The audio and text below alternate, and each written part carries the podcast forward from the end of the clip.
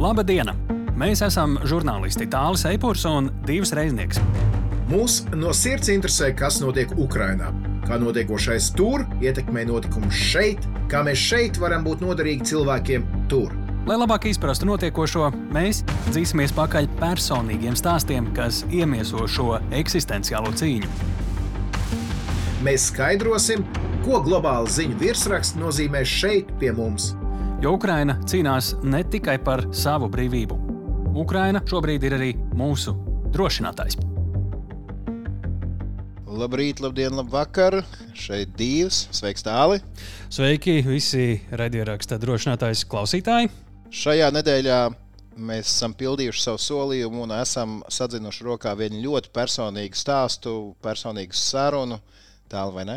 Nu jā, es visu laiku cenšos paturēt prātā to mūsu vadmotīvu, lai arī jums, klausītāji, tas uh, lēnām uh, saglabājas. Ir, ka drošinātājs skaidri un personīgi, ar uzsvaru arī uz personīgi par karu Ukrajinā. Un šis tiešām būs tāds uh, viena cilvēka stāsts, un es domāju, ka Latvija atradīsies tūkstošiem, desmitiem tūkstošu cilvēku, kuri to klausīsies, tāpēc ka runa ir par to, kā kara laikā strādā viena skolotāja. Jā, par to mūsu raidierakstā trešajā daļā. Es gan gribētu sākt ar to, ka es gribētu tevi sveikt nedēļā, kad izrādījās, ka Krievija Ukrainā cīnās pret ko? Sātanismu. Oh. Jā, uh, viens, Oficiāli. Jā, viens uh, Krievijas uh, oficiālā persona izmet šādu domu, pēc tam gan viņi tur ātri apklusināja. Uh, Um, vakar vēl nu pats redzēju skaistu jaunu video, kur Lavrovs, Krievijas ārlietu ministrs, uh, skaita bezmazliet dzējā to, ka šis ir uh, iekšējais slāvu ģimenes strīds, un pārējiem nav saprašanas par to visu. Tādēļ nevajag līst un kaut ko mēģināt risināt. Nu, katrā ziņā iemesli ir dzirdēti simtiem. Es pat gribētu kādā brīdī apkopot šo sarakstu. Varbūt kāds jau ir apkopojis šādu sarakstu, tad uh, padodiet mums ziņu, rakstiet uz drošinātājs Latvijas Rādio LV. Tomēr, cik dzirdīgs auss ir visam tam, ko saka Kremlis. Es teiktu, ka šonadēļ bija tāds zīmīgs pavērsienu punkts, kas it kā saistīts ar graudu eksportu, taču patiesībā būtiskāks aspekts, manuprāt, ir tas, kā izmainījusies ir attieksme pret Krievijas agresīvo retoriku. Ziniet, kā šajā brīdī, man liekas, ir īstais brīdis pievērsties Kristīnai Bērziņai, mūsu iknedēļas ekspertei. Ar viņu mēs pārnājam gan šo jautājumu, gan iespējamo rietumu kodolieroču izvietošanu pavisam netālu no Latvijas, kā arī kašķi kuru reti kurš sagaidīja. Proti, starp Vāciju un Šveici. Un, uh, tur labā un sliktā tēla lomas uh, būs sadalītas tā, kā varbūt to neviens negaidīja. Nu, ko tad mums ir jāiedziļinās jau detalizētāk pie visiem šiem tematiem, kurus tu pieminēji, jau sarunā ar uh, Kristīnu. Sveiki, Kristīne! Sveiki, Kristīne! Šobrīd atrodas Vašingtonā vēl aizvien? Šodien esmu Vašingtonā, jā. Labi, parunāsim par trim tematiem. Viens, kas uh, izsauca šonadēļ tādu pastiprinātu interesi, ir uh, stāsts par graudu eksportu. Te iedošu nelielu fona informāciju, lai cilvēkiem skaidrs, par ko runa ir. Kad februārī Krievija sāka visaptvarošo uzbrukumu Ukrainai valstī iestrēga apmēram 20 miljonu tonu graudu, kas bija paredzēts eksportam un vitāli bija svarīgas nevienai pasaules nabadzīgākajai valstī. Jūlijā ar Turcijas starpniecību tika panākta vienošanās, ka tiks izveidots tāds kā drošs kuģošanas koridors, lai no Ukrainas Melnās jūras ostām varētu atsākt graudu eksportu. Krievija apturēja savu iesaisti šajā projektā šo sestdienu, paziņojot, ka nevar garantēt civilo kuģu drošību pēc iespaidīga drona uzbrukuma Krievijas jūras spēku flotei okupētās Sevastopols ostā. Jāpiezīmē, ka Ukraina nav teikusi, ka to ir veikusi viņa, bet nu labi, droši vien lielu šaubu par to nav. Bet, kas svarīgākais, šo pirmdienu 14 kuģi devās ceļā kopumā ar 350 tūkstošiem tonu graudu, un vismaz vēl 3 kuģi devās ceļā arī otrdien. Par spīti visiem Krievijas protestiem par kuģu kustību esot vienojusies Ukraina, Turcija un ANO, bet Krievija esot vienkārši informēta.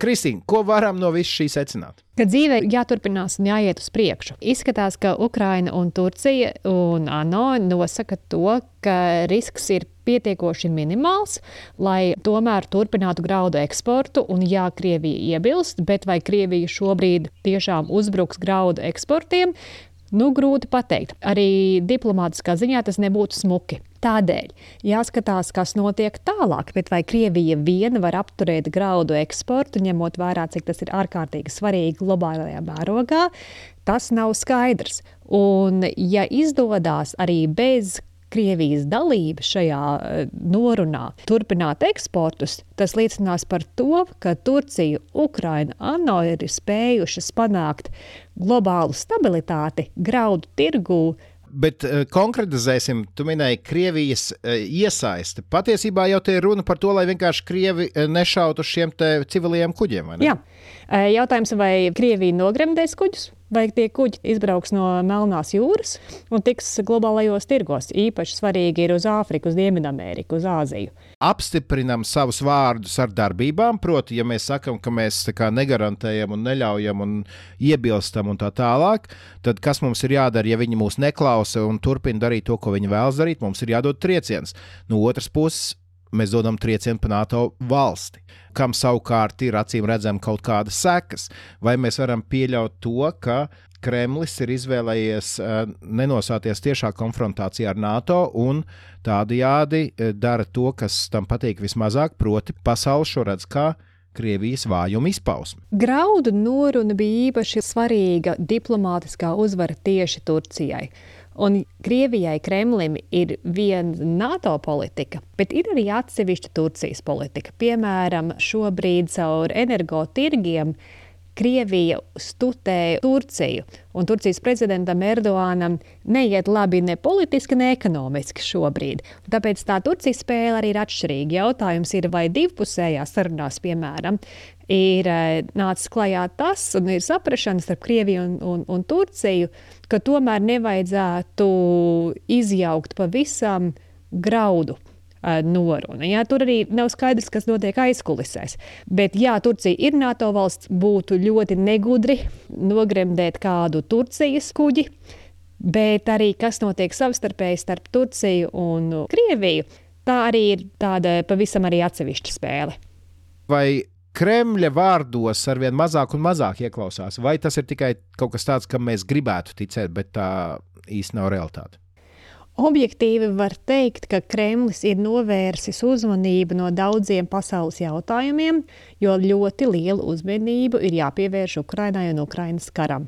Tas nozīmē, ka ir lielāka brīvība tuvajās kaimiņu valstīs rīkoties tā, kā iepriekš varbūt nebūtu bijis iespējams. Un tāpēc faktiski vismaz īstermiņā tā ietekme sarūk. Kas būs pēc diviem gadiem vai pieciem gadiem? Tas nu gan ir kaut kas pavisam cits. Mūsu otrā tēma ir Zviedrija, Somija, tās um, gaidāmā iestāšanās NATO aliansē. Un uh, ziņa, kas ir izskanējusi, ka varbūt potenciāli iestājoties NATO, Zviedrijā vai Somijā pie Krievijas robežas varētu tikt izvietoti kādi NATO kodolieroči. Cik tā ir nopietna diskusija, vai tas ir vienkārši izgrābts no konteksta skaļš virsraksts? Ziemeļvalstu kaimiņi daudz arī iebilst par to, ka tādi ir virsraksti, jo kāda tur ir realitāte. Militāristi Somijā, bet arī tagad Zviedrijā uzskata, ka jā, no militārā viedokļa būtu iespējams novietot NATO atomieročus, kodolieročus Somijā un Zviedrijā tieši no tehniska militārā viedokļa tas jā, būtu iespējams. Jā. Tas nenozīmē, ka politiski, strateģiski šo valstu vadība piekristu. Bet nu, lielākais jautājums ir, vai kāds arī censtos novietot NATO valstu kodolieroču Ziemeļvalstīs. Un tas ir zem milzīgas jautājuma zīmes, jo tomēr tie nav kaut kādi bez nacionālās saiknes kodolieroči. Tie ir vai nu ASV, vai Lielbritānijas, vai Francijas. Un neizskatās, ka kāda no šīm lielvalstīm būtu ieinteresēta ievietot savus kodolieročus kādā vēl citā valstī. Šobrīd nav nepieciešamība, un izskatās, ka arī nav, nav ne vajadzība, ne interese. Un tad, jā, varbūt Somija un Zviedrija varētu teorētiski dot atļauju, vai tas faktiski notiktu, par to ir liela šaubas. Bet kādēļ tad šādu virsrakstu? Vienkārši kaut kāda klikbaita vai kas? Nu, jā, tas izklausās ļoti saistoši. Nu, tagad viss mainīsies, un te būs kodolieroči, un uzreiz īpaši asinsspiediens pacelsies tajās valstīs, kur ir ļoti liela daļa iedzīvotāji, kuri nu, liedz vispār pasaulē kodolieroču nepieciešamību, un Ziemeļvalstīs tādu cilvēku ir daudz. Un tad sakurina tautu. Iedomājieties, kas tagad būs, pēc sāk tālāk paskatīties, kurš ir kaut ko pieņēmis, vai tiem ir teikšana tādos politiskajos jautājumos, un vai kāds vispār piedāvā kodolieročus, pavisam cits atkal jautājums. Nu, labi, laiks ķerties klāt trešajai mūsu šīs dienas tēmai - Vācija. Vācija un Šveice. Tie, kuri ir sekojuši Ukraiņas notikumiem gan cītīgi līdzi, zina, ka Vācijai šobrīd Ukrainā nav tā labākā slava. Tā tiek apsūdzēta par to, ka tā sola, sola, kā saka latviešu tautsdziesmās, solīt sola, bet nedēva. Ja? Jā, jā. Bet šonadēļ interesanta ziņa pienāk no Rietumē Eiropas ka ir radies kašķis starp Vācijas un Šveices politiķiem. Šveice boikotē Vācijas iecerēto munīcijas eksportu uz Ukrajinu. Šveicieši apsūdz vāciešus, ka tie ir aizmirsuši par tās neutralitāti. Man šī ziņa, godīgi sakot, nedaudz pārsteidz, jo, jo Šveice ziņās pēc uh, 24. februāra parādījās kā viens no tiem skaļiem virsrakstiem, ka lūk, slavenā Šveice, kas vienmēr ir bijusi neitrāla, ir nostājusies Ukraiņas pusē. Pēc tam mēs esam dzirdējuši, tātad, ka Vācija lūk, nedod Ukraiņai ieročus, bet tagad uh, ir ziņa, kas apgāž visu iepriekš dzirdēto. Tātad vācieši grib Ukraiņiem nosūtīt militāro munīciju, un Šveice iebilst. Izskaidro, Kristīna, lūdzu, kas tur īstenībā notiek. Jautājums šeit ir dažāds. Pirmais ir par Šveices neutralitāti, vai Šveice vēl joprojām tiešām ir neitrāla valsts, kur ir tās neutralitātes robežas. Sankcijās pret Krieviju šī gada pavasarī Šveice piedalījās. Tagad munīciju eksportam uz to neparakstās. Kur ir tā robeža?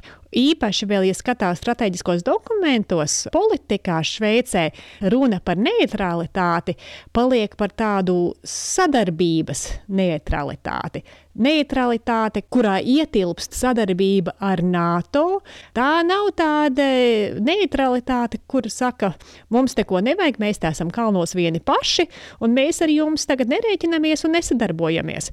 Notiek pārmaiņas Šveicē strateģisks. Šveice arī tagad palielina savu aizsardzības budžetu un ļoti interesējās par iespēju sadarboties ar NATO valstīm un arvien tuvāk sadarbojās arī ar īriju, kur attīstās līdzīga domāšana. Īrija, tāpat kā Šveice, īrija dēļ savas vēstures ar uh, Lielbritāniju un vēlme nepiedalīties Lielbritānijas karos, arī ir bijusi neitrāla Bet attiecībā uz Krievijas uzbrukumu Ukrainai nemaz tik neitrāli arī neizklausās.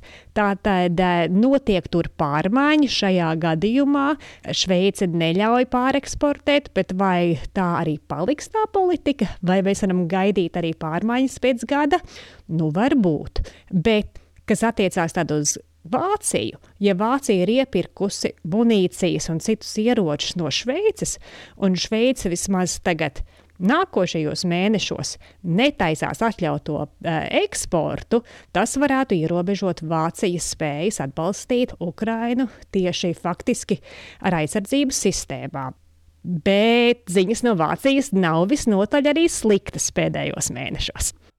Vācija jauc visiem prātu, nevar saprast, vai viņi tad ir tie Ukraiņas draugi vai nav, vai, vai pareizāk kādā pakāpē viņi ir. Jā, oktobrī Vācijas ieroču ražotāji sagādā ar Vācijas valdības atļauju piegādāja Ukrainai gaisa aizsardzības sistēmu, IRIS-T kura izskatās ārkārtīgi spējīga pasargāt Ukraiņas pilsētas no gaisa uzbrukumiem. Un interesanti ir tas, ka šī sistēma pirmo reizi tiek pielietota tieši Ukrainā. Nekur citur nav bijusi iepriekš lietota, pavisam jauna. Ukraina vēl sagaidīs trīs vēl šādas sistēmas. Cepurnos tas, ka Vācijas armijai pašai vēl nav neviena šāda sistēma, bet pirmās attīstītās sistēmas Vācija ļauj sūtīt tieši uz Ukrajinu. Šeit nav runa par 40 gadus veciem ieročiem, bet tiešām to pašu jaunāko iedot Ukrainai. Cepurnost. Un tas pats jaunākais ir ļoti labi sevi apliecinājis. Šo pirmdienu Ukrāņi tieši ziņoja, ka šī te, nu, pat piegādātā vācu pretgaisa aizsardzības sistēma ir sevi fantastiski apliecinājusi, um, likvidējot simtprocentīgi šīs krievu šautās raķetes, uh, tās, kas bija tās darbības zonā. Jebkurā gadījumā tēma par to, kā Ukraina varētu būt placdarms jaunu ieroču sistēmu izmēģināšanai rietumvalstīm, tā noteikti ir interesanta tēma, bet par to kādu citu reizi Šobrīd teikšu lielu, lielu paldies Kristīnai Bērziņai Vašingtonā, ka palīdzēja mums ieviest skaidrību dažās no skaļākajām šīs nedēļas ziņām. Nav par ko. Un tad līdz nākamajai nedēļai. Paldies, Kristīne. Nu, ko mēs redzam? Vismaz, ka Vācijas attieksme pret Krieviju šobrīd sāk uh, mainīties. To daudz ir pamanījuši. Un, uh, lai arī Šveice grib kādu bremzes pedāli nospiest, tad šī ir svarīga ziņa. Bet ne tikai par ieročiem runājot, runājot vispār attieksmi pret Krieviju, arī tā īstenībā, nu, es nezinu, mēs gribētu, lai mainītos laikam straujāk. Jā, nu tad, kad ja mēs runājam piemēram, par ekonomiku, eh, dažiem varētu būt viedoklis, ka lūk, eh, ir jau cik tur 6, 7 sankciju paketes no eh, rietumu puses, un Krievija ir Ziemeļkoreja gandrīz. Krievija jau ir gandrīz Ziemeļkoreja atgriezt no visas ārējās pasaules. Nu, tā, protams, nav. Šajā nedēļā New York Times iznāca ļoti uh, visaptverošs apskats par uh, Krievijas un pasaules savstarpējām tirzniecīskajām saiknēm. Tur parādās daži ļoti, ļoti interesanti fakti, kurus es gribētu padalīties ar mūsu klausītājiem. Proti, tātad salīdzinot ar laika periodu starp 2017 un 2021 gadu. Tieši un, pirms kārtas šie daži gadi. Jā, nu jā tieši tāds plašāks laika periods, lai, lai nebūtu kaut kādas nejaušības. Un tagad pēckara periods. Kā tad ir mainījusies šī apusējā tirdzniecība. Piemēram, ar Indiju tirdzniecība ir pieaugusi par 310%. Ar Turciju, kuru mēs pieminējām jau arī sarunā ar Kristīnu, gandrīz divkārt 198% pieaugums. Kas interesanti, ka, ja, piemēram, eksports uz Krieviju no Indijas ir samazinājies par 19% un pieaudzis par 430%, un tur mēs zinām, ka Indija ir tā, kas pa lēto nopērk to visu degvielu, kuru Krievija nevar pārdot uh, Eiropai par ļoti lielām atlaidēm. Turcijā savukārt tur ir pieaudzis par 113%, gan eksports, gan imports par 200%. Ar Brazīliju, kas ir interesanti, ar Beļģiju par 81% pieaugusi tirdzniecība.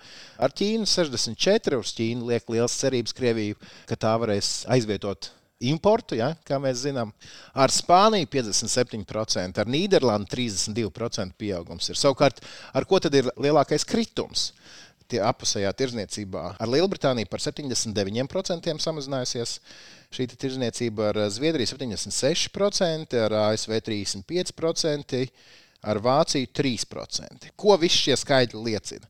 Viens ir tas, ka, protams, Krievija ar savām izēvielām ir ļoti, ļoti integrēta bijusi pasaules ekonomikā. Un joprojām daudziem ļoti liels kārums. Protams, mēs zinām, ka no jaunā gada ir valstis, kuras jau ir tagad atteikušās no Krievijas enerģijas, kā Latvija, Lietuva un dažas citas. Mēs zinām, ka Eiropa no jaunā gada pārtrauks naftas importu. Tad tie cipari krietni pamainīsies. Jā, tie cipari krietni pamainīsies, bet ir industrijas, kas vēl aizvien nespēja izdzīvot bez Krievijas šiem resursiem. Krievija vēl aizvien ir viens no vadošajiem, vai arī vadošais eksportētājs pasaulē tādām lietām kā mēslojums, asbests, kodola reaktori dažādi graudi, ko jau mēs pieminējām. Tāpat globālajie autoražotāji ir atkarīgi no Krievijas palādija un rodija. Francijas eh, kodola reaktori paļaujas uz Krievijas uh, urānu. Savukārt Beļģija vēl aizvien ir atslēgas partneris Krievijai dimantu tirdzniecībā. Proti, uh, mēs vēl aizvien redzam, ka nav tā, ka Krievija būtu pilnībā izolēta. Tā pati labība taču arī ceļo no Krievijas uz vis, visām pusēm. Par labību jau mēs it kā ar Kristīnu runājām, bet tur ir vēl viens aspekts par to, kā Krievija nelegāli tirgo uh, Ukrainā uh, nozagto labību. Tā kā ir politiskais aspekts, ir militārais aspekts, bet mēs noteikti nedrīkstam aizmirst arī par šo ekonomisko aspektu. Noteikti uh, tur vēl lietas mainīsies, uh, sankcijas turpināsies, bet vienmēr, protams, tiek mēģināti atrast kaut kādu atslēgas caurumu, pa kuriem izlīst un, un mēģināt apiet uh, gan sankcijas, gan arī vienkārši ir situācijas, kad pilnībā izolēt Krieviju nav iespējams. Tik tālu par uh, ekonomiku. Bet tālāk es ļoti gaidu nākamo un noslēdzošo mūsu šīs nedēļas raidierakstu sadaļu, proti, interviju ar Ukrāņu skolotāju. Ja? Sākās tas viss ar vienu tvītu, kur es redzēju, ka bumbu patvērtnē, pagrabā bērni lielā troksnī, jo troksnis nāca no Kaluša orķestra šīs slavenās Eirovīzijas dziesmas. Un skolotājs tādā deju solī gandrīz vai drusku pārvietojas. Bērni daļa dzied līdzi, ir tāda pamatīga festivāla atmosfēra. Burtiski. Un uh, tad man radās tāda fona sajūta, ka paga, iespējams, ka tas ir tik skaļi, tāpēc ka augšā ir sirēnas, varbūt kaut kur sprākst. Un, uh, Kā tad vispār notiek šī komunicēšana ar bērniem, ar vecākiem par bērnu drošību? Kas notiek šajās bumbu patvērtnēs, kā tās ir aprīkotas, ko tas psiholoģiski nozīmē? Kā bija sākumā, kā ir tagad? Man ļoti daudz jautājumu no šī viena mazā ierakstiņa radās. Tieši tāpēc es domāju, ka ir jāparunājas ar skolotāju, caur draugiem, paziņām un visādi citādi. Es, uh, Iepazinos ar Natāļu Zavācku. Tā ir Borispole. Tas ir Kievas apgabals, viens no Borispoles rajonus. Borispole dzirdēt kaut kur. Tā ir lidosta. Lidosta tur ir tā, ir tā, no kurienes, kamēr vēl lidojumi bija, Air Baltics, man liekas, arī mūsu lidoja uz turieni. Tā ir lidosta, ar kuru, nu, mums ir Mārupē, tad viņiem ir Borispole, ja viena lidosta. Lūk, jā, viņa māca 4. klasīti, māca visus priekšmetus, viņa ir audzinātāja un reizē arī visu priekšmetu, tā skaitā fizkultūru pasniedz, un jau 15 gadus ir skolotāja skolotāji. Un, uh, nu, tādu mācību apstākļu, kā šobrīd, protams, nesalīdzināmi kopš 24. februāra agrāk nav bijis. Un izmainījis ir pilnīgi visu ar saknēm, un uh, visu pavasari mācības arī skolā klātienē nenotika. Pēc iebrukuma tikai 14. martā viņa teica, ka atsākās tās mācības un tikai attālināti. Un skolotāji strādāja no mājām, no ārzemēm, un bērni tieši tāpat piedalījās mācībās. Un tas, ko viņi saka, ka viņiem ir sava frontes līnija darbā ar bērniem ka tur aug Ukraiņas nākotne. Speciālisti turklāt tieši par to šobrīd Ukrāņu karavīri cīnās frontē, lai vispār tas būtu iespējams. Viņai pašai ir divi bērni. Viņa jau ir 16 gadus precējusies, un 24. februārī viņiem mājās piezvanīja telefons, un vīru iesauca dienestā. Viņš tur ir kopš paša kara sākuma. Viņa vēl aizvien ir. Ja? Vēl aizvien ir. Viņa kopš 24. februāra, nu, viņš tur devās dienestā, pēc trim mēnešiem ieraudzīja viņu nākamo reizi. Nu, un tad vēl ir bijis kaut kāda brīdiņa, bet pārsvarā viņš ir prom. Viņa ir izstāstījusi ierakstā, kā notiek šī viņa komunikācija. Un uh, viņa ir pati uh, ar bērniem kādu laiku bija arī prom no Borispolas, Ukraiņas rietumos, atgriezās tikai vasaras sākumā. Pirms tam vēl kara sākumā ar mammu izsēdējās pagrabā, mīnus 7 grādos un tam līdzīgi. Bet septembrī mācības atsākās. Viņa nolēma, ka viņa grib būt mājās kopā ar bērniem un iet uz skolu. Bērni iet viņas pašas skolā. Lūk, daudz kolēģu vairs nav eh, klātienē vai ir ārzemēs, eh, ir citi vietā. Tas pats ir ar bērniem. Klase vairs nav tik liela kā agrāk. Lūk, daudz šādu apstākļu. To man Natāša stāstīja arī ierakstā. Tas bija ļoti daudz, sirsnīgi un gari, bet mēs atstājam jūsu novērtēšanai, klausītāji, to daļu, kur ir tieši par šo klātbūtnes efektu bumbu patvērtnē, kur ir stāsts par to, kā tad īsti tās mācības notiek, kā notiek sarunas ar bērniem reāli ko viņi stāsta, ko nestāsta bērniem un tam līdzīgi. Nu, ko, ko tad nozīmē mācīties un mācīt kara laikā? Un kāda nozīme tajā visā ir bailēm? Par to tāļu sarunā ar Ukrāņu skolotāju Natāšu Zavacku. Un šī ir pirmā intervija drošinātāja vēsturē Ukrāņu valodā. Un kā vienmēr, jūs varat izvēlēties klausīties interviju oriģinālu valodā vai ar latviešu tulkojumu. Jums tikai jāizvēlas viens vai otrs podkāstu variants. Un saruna sākas vietā, kur Natāļa jau ir atgriezusies Ukrajinā un ir sācies jaunais mācību gads. Сказати, що не боялась, не можу так сказати. Дуже боялась. Боялась найбільше повітряних тривог. Боялась того моменту, що можуть злякатись діти, що може бути паніка, що може бути тиснява, що може бути в когось напад панічної атаки, що можуть бути сльози, стрес, що не встигну до п'яти хвилин спустити дітей в укриття.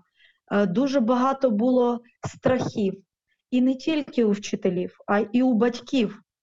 Багато батьків боялися відпускати дітей до школи Коли повідомили, що навчання буде і що воно буде змішаним, буде діти будуть виходити на навчання по тижнях. Одні навчаються в зумі, інші в даний момент в школі. Потім графік міняється. Ті, хто навчався вдома в зумі, будуть навчатися в школі, а ті, хто був у школі, йде на навчання дистанційне. Батьки боялись відпускати дітей в школу, боялися, що коли буде повітряна тривога, діти злякаються. Хвилювалися, що підвал може бути не надто надійним. Боялися, що в підвалах може бути холодно чи темно, і боялися за психіку дітей, боялись відпускати їх у школу в такій стресовій ситуації. Тоді було прийнято рішення нашим управлінням освіти про те, що дозволять батькам обирати, чи відпускати дітей до школи, чи переводити дітей на сімейне навчання. Тобто на таке навчання, де навчають батьки дітей, і діти навчаються самостійно, без вчителя, де вчитель проводить лише екзамен у двічі на рік в зимою кінці першого семестра і весною в кінці другого семестра, а весь інший час вони навчаються самостійно. Навіть у моєму класі в минулому році налічувалась 31 дитина, в цьому році у мене залишилося 28 діток у зв'язку з тим, що забрали документи зі школи. Із них семеро пішло на сімейну форму навчання. Тобто вони зовсім не відвідують школи, вони бояться ходити до школи. І це все пов'язане з війною, з постійними стресами, повітряними тривогами. Батьки просто бояться, що вийшовши е, з дому, буде повітряна тривога, і дитина повинна буде повернутися додому. Наш разговор частично происходит потому, что я в Твиттере нечаянно увидел видео, где дети в бомбоубежище, и там вот ну, такой большой шум, как бы даже э, тусовка, громко звучит музыка, кстати, калош оркестра, вот Стефания, и часть детей там поют вместе э, с этой песней, и учительница передвигается как бы еще в ритме танца. Вот послушаем.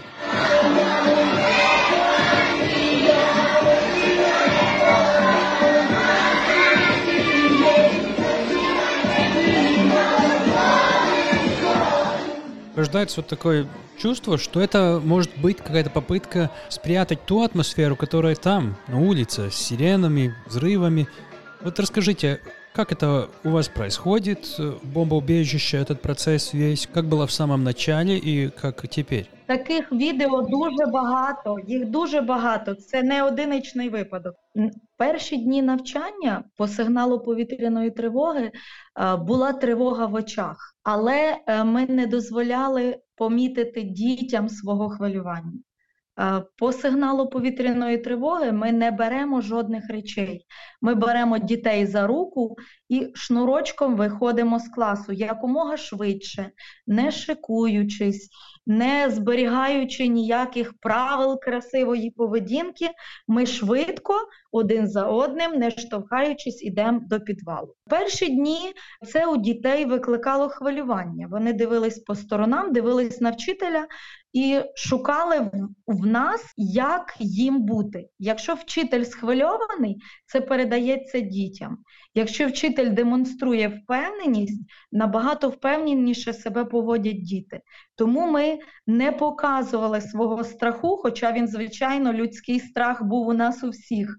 Але ми робили обличчя посмішку, вдягали.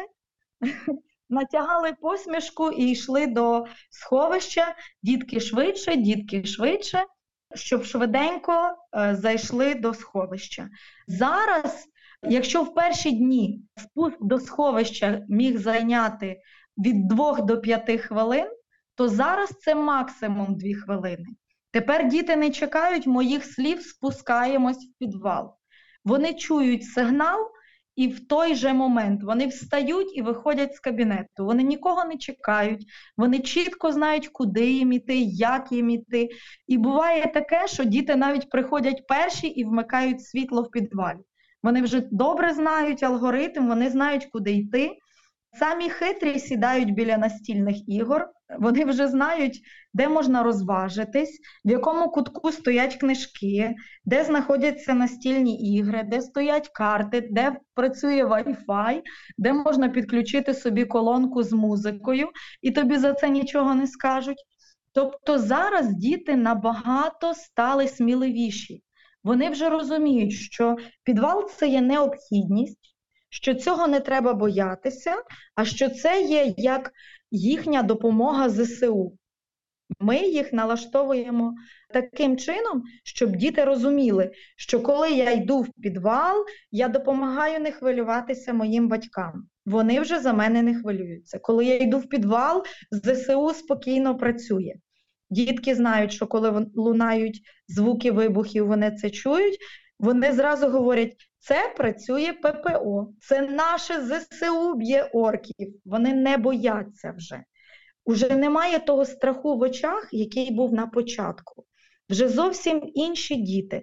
Вони вже туди йдуть як е, на зміну виду діяльності. Тобто тут ми навчались, Тут у нас була фізкультура, а тут у нас таке місце, де можна поспівати, де можна пограти в ігри, де можна поспілкуватись.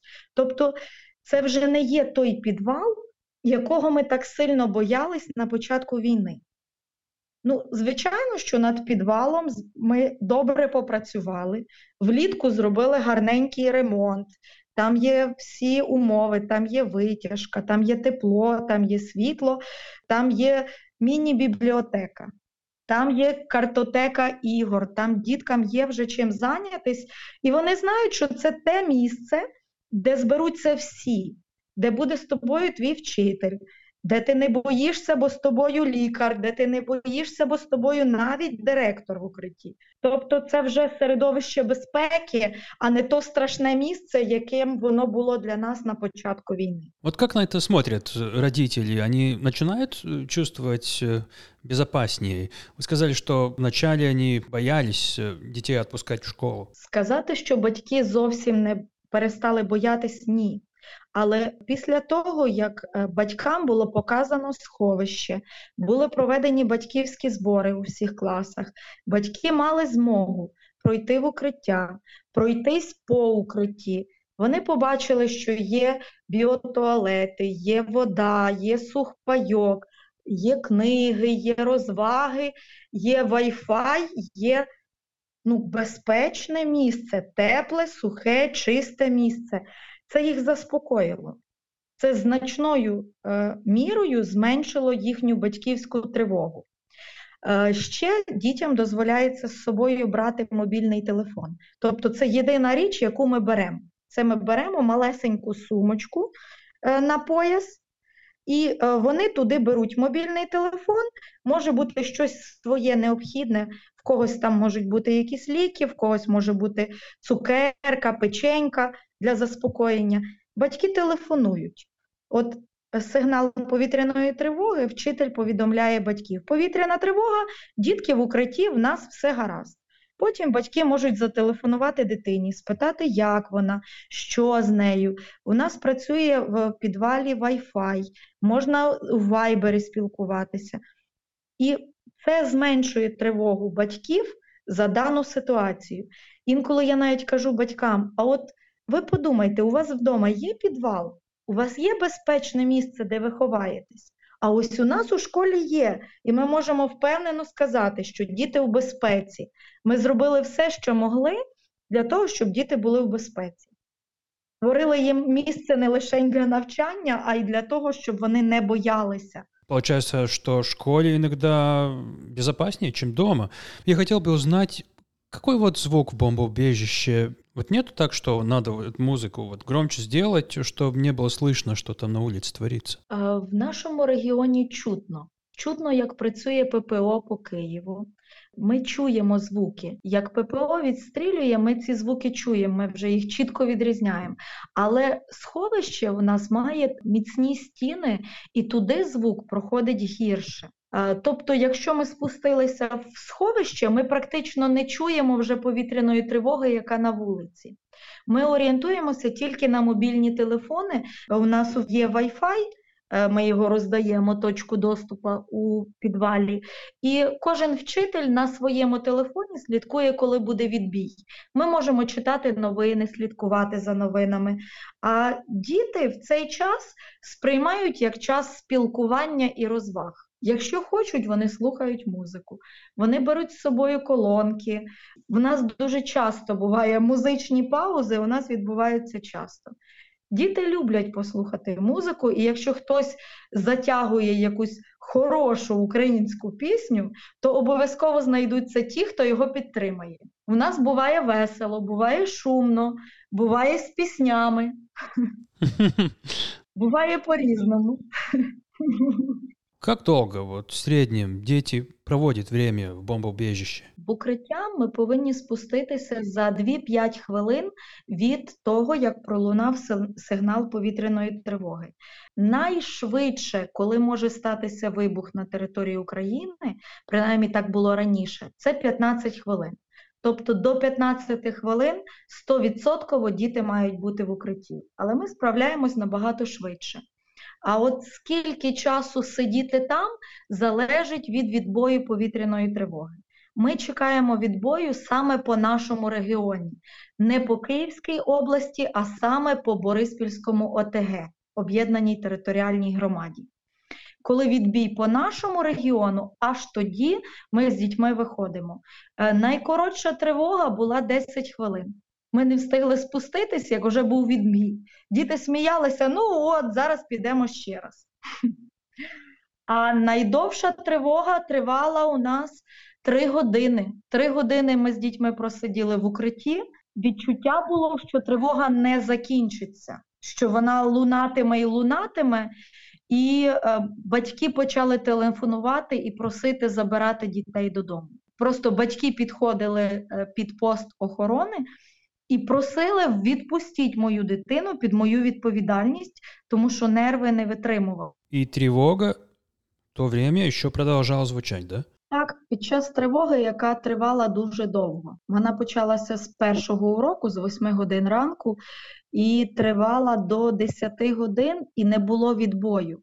Після 10 батьки вже просто на перебій телефонували класним керівникам і просили відпустити дітей здавали нерви, і вони не витримували чекати, коли це все закінчиться. Діти почали хвилюватися, е, що це дуже довго, і що їх не відпускають, і що не можна піти додому. З'явився страх. Вони почали дзвонити батькам, налаштовувати батьків, а батьки дзвонили класним керівникам і просили відпустіть під нашу власну відповідальність, тільки відпустіть дітей додому, тому що занадто довго. Сьогодні вранці також повітряна тривога лунала три години. Дітей другої зміни перевели зразу на дистанційне навчання. Пів школи 600 дітей пішли на дистанційне навчання сьогодні з другої зміни, тому що неможливо було після такої затяжної повітряної тривоги продовжувати навчатися. Скільки дітей одновременно сидить в бомбоубежищі в вашій школі? Мій ліцей, в якому я працюю, нараховує дві тисячі дітей, учнів. Але так як дітей дуже багато, навчання відбувається в дві зміни. Перша зміна починає працювати о 8 і закінчує до 12 години дня. А друга зміна починає працювати в першій 45, ну, майже о другій, і закінчує в 6 вечора. І е, у зв'язку з тим, що кількість дітей дуже велика, а е, наше підвальне приміщення розраховане на 650 осіб. Всі діти одночасно поміститися в укритті не можуть. Тому було прийнято рішення, що і в першу, і в другу зміну діти були поділені на тих, що працюють у школі, і тих, що навчаються з дому. От, наприклад, в першу зміну працює перший і другий клас, і, наприклад, п'ятий, шостий. В другу зміну буде, будуть працювати ті класи, які не навчалися в першу зміну. Це зроблено для того, щоб кількість осіб в укритті не перевищувала 650. Але насправді е, кількість так порахована, що нас завжди трішки менше. Нас е, приблизно до 600 осіб в укритті одночасно перебуває разом з працівниками кухні, е, з техпрацівниками, усі вчителі, весь персонал разом з дітьми, так, щоб трішки був запас. Цей запас ми тримаємо на випадок непередбачуваної ситуації. Наприклад, хтось не встиг вийти зі школи, піти додому після уроків. Хтось там затримався, пішов в їдальню, а тут раптово повітряна тривога. Ну, от На такі непередбачувані випадки 50 місць завжди зберігається в резерві. Я так сразу подумал, это значит, что когда звучит тревога, в тот же самый момент в всей стране миллионы учеников встает и идет на бомбоубежище. Так, одночасно всі діти, працівники школи, всі від директора до технічки, кухня, е, працівники кухні всі повністю спускаються в укриття. І до відбою з укриття не виходить ніхто. Ми, всі разом співаємо, радіємо, сумуємо, граємось, читаємо новини, підтримуємо один одного. Дітям дуже подобається пити безкінечну кількість води, це їх заспокоює. Так що в нас черга до до водопою, як я його називаю. І в такому в такому стані ми намагаємось е, тримати бойовий дух, не впадати в паніку, не показувати хвилювань. Хоча часто е, такі читаємо повідомлення, наприклад, що в сусідній район прилетіла ракета, або в Києві кудись влучили, а це зовсім недалечко від нас. Звичайно, важко тримати. Е, обличчя веселим, але ми намагаємось не показувати дітям, якщо навіть щось трапилось, то ми це не обговорюємо, поки діти з нами. Ми намагаємось говорити про все, що завгодно, тільки не про те, що відбувається зараз на вулиці. Как вы и ваши коллеги сейчас чувствуете? Вот какое влияние на вас это все оставляет? Что это для вас значит? Дана ситуація зробила сильнішою однозначно. Е, я не дозволяю собі впадати в відчай, не дозволяю собі розкисати, панікувати, не дозволяю собі плакати категорично. Мені здається, що коли діти дивляться на мене, вони повинні побачити мій спокій. Тому я з усіх сил намагаюся тримати спокій. От в мене такий характер, що коли я хвилююсь, я навпаки посміхаюсь. І це мені дуже допомагає в даний час бо діти думають, що все гаразд, бо вчителька посміхається, а раз вчителька посміхається, значить нічого страшного. І от такою посмішкою я підтримую учнів. Е, я впевнена, що навіть в цей воєнний час обов'язково треба вчити дітей. Ми не можемо дозволити собі упустити це покоління. Ми не можемо дозволити їм не навчитися того, що вміли їхні ровесники в попередні роки. От я і мої колеги ми ставимо собі за мету будь там що. Ми повинні вичитати свою навчальну програму. Ми повинні дати дітям ті знання, яких вони потребують. Ми повинні дати їм не лише знання, але і підтримку. Ну, стати для них як другою мамою, принаймні на той період, поки вони в школі. Тому що вони повинні знати, що вони мають до кого прийти, є до кого підійти, коли ти хвилюєшся, коли ти боїшся. Я для себе вивчила багато вправ, які заспокоюють різноманітні дихальні вправи, які зосереджують дитину на серцебитті і допомагають їй заспокоїтись. Я дуже боялась, що не зможу взяти себе в руки і не зможу заспокоїти дітей. І таким чином, самоосвітою, я навчилась заспокоювати себе, і тепер я заспокоюю дітей одним поглядом. Навіть ці вправи е, мені не знадобилися, тому що е, я навчилась тримати себе в руках. А коли вони дивляться на мене спокійно, кажуть, ну що, нам ще довго тут. Ну, кажу, ще там дві гри зіграємо і вже підемо. Тобто навчились тримати себе в руках, розкисати ні, не про нас. А що тоді, коли дітей нету рядом? Коли немає учнів, є мої діти. А моїм дітям мама має бути спокійна, має смачно пахнути їжею і ні в якому разі не розкисати. Коли мої діти питають, мама, повітряна тривога, що робити? Кажу, ну що, перший раз чи що? Йдемо в коридор, у нас правило двох стін, е, беремо з собою телефон, ноутбук, бо це може бути на кілька годин. Е, тягнемо м'які крісла, ось там собі сідаємо разом гуртом, щось обговорюємо, можемо разом робити уроки. Все залежить від кількості годин. Ми там і співаємо, ми там з ними і уроки виконуємо, і читаємо один одному. Е, то то семикласник читає свою літературу, то другокласниця свою читанку. І ми так проводимо багато часу. Так это значит, что вы вообще очень редко в єдині? Я наодинці не буваю. Я практично не буваю наодинці. Я живу в домі, у нас великий будинок.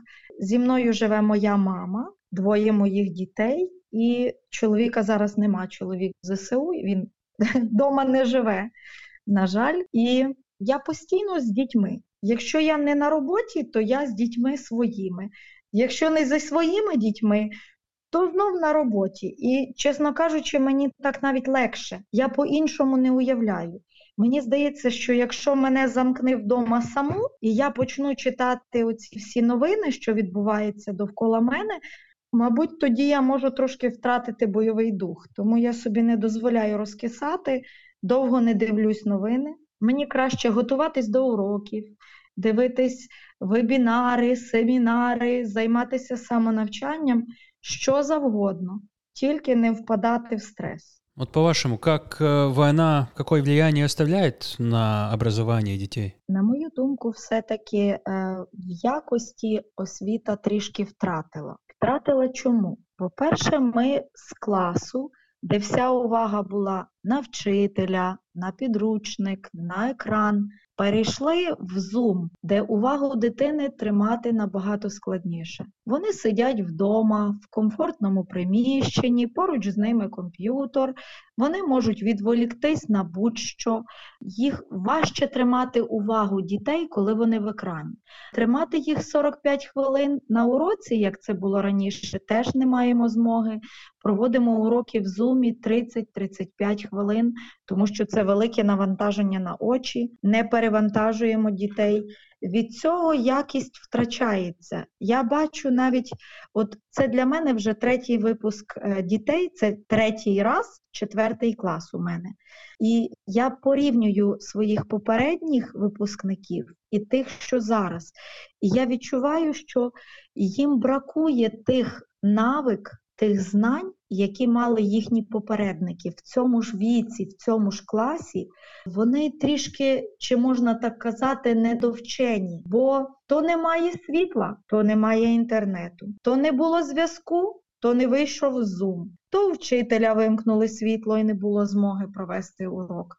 І якщо дитина не має внутрішнього бажання займатися самоосвітою, займатися собою, іти вперто до мети, то таких дітей ми можемо упустити. Зараз дуже тісна пішла співпраця вчителів з батьками. Ми просимо допомоги у батьків.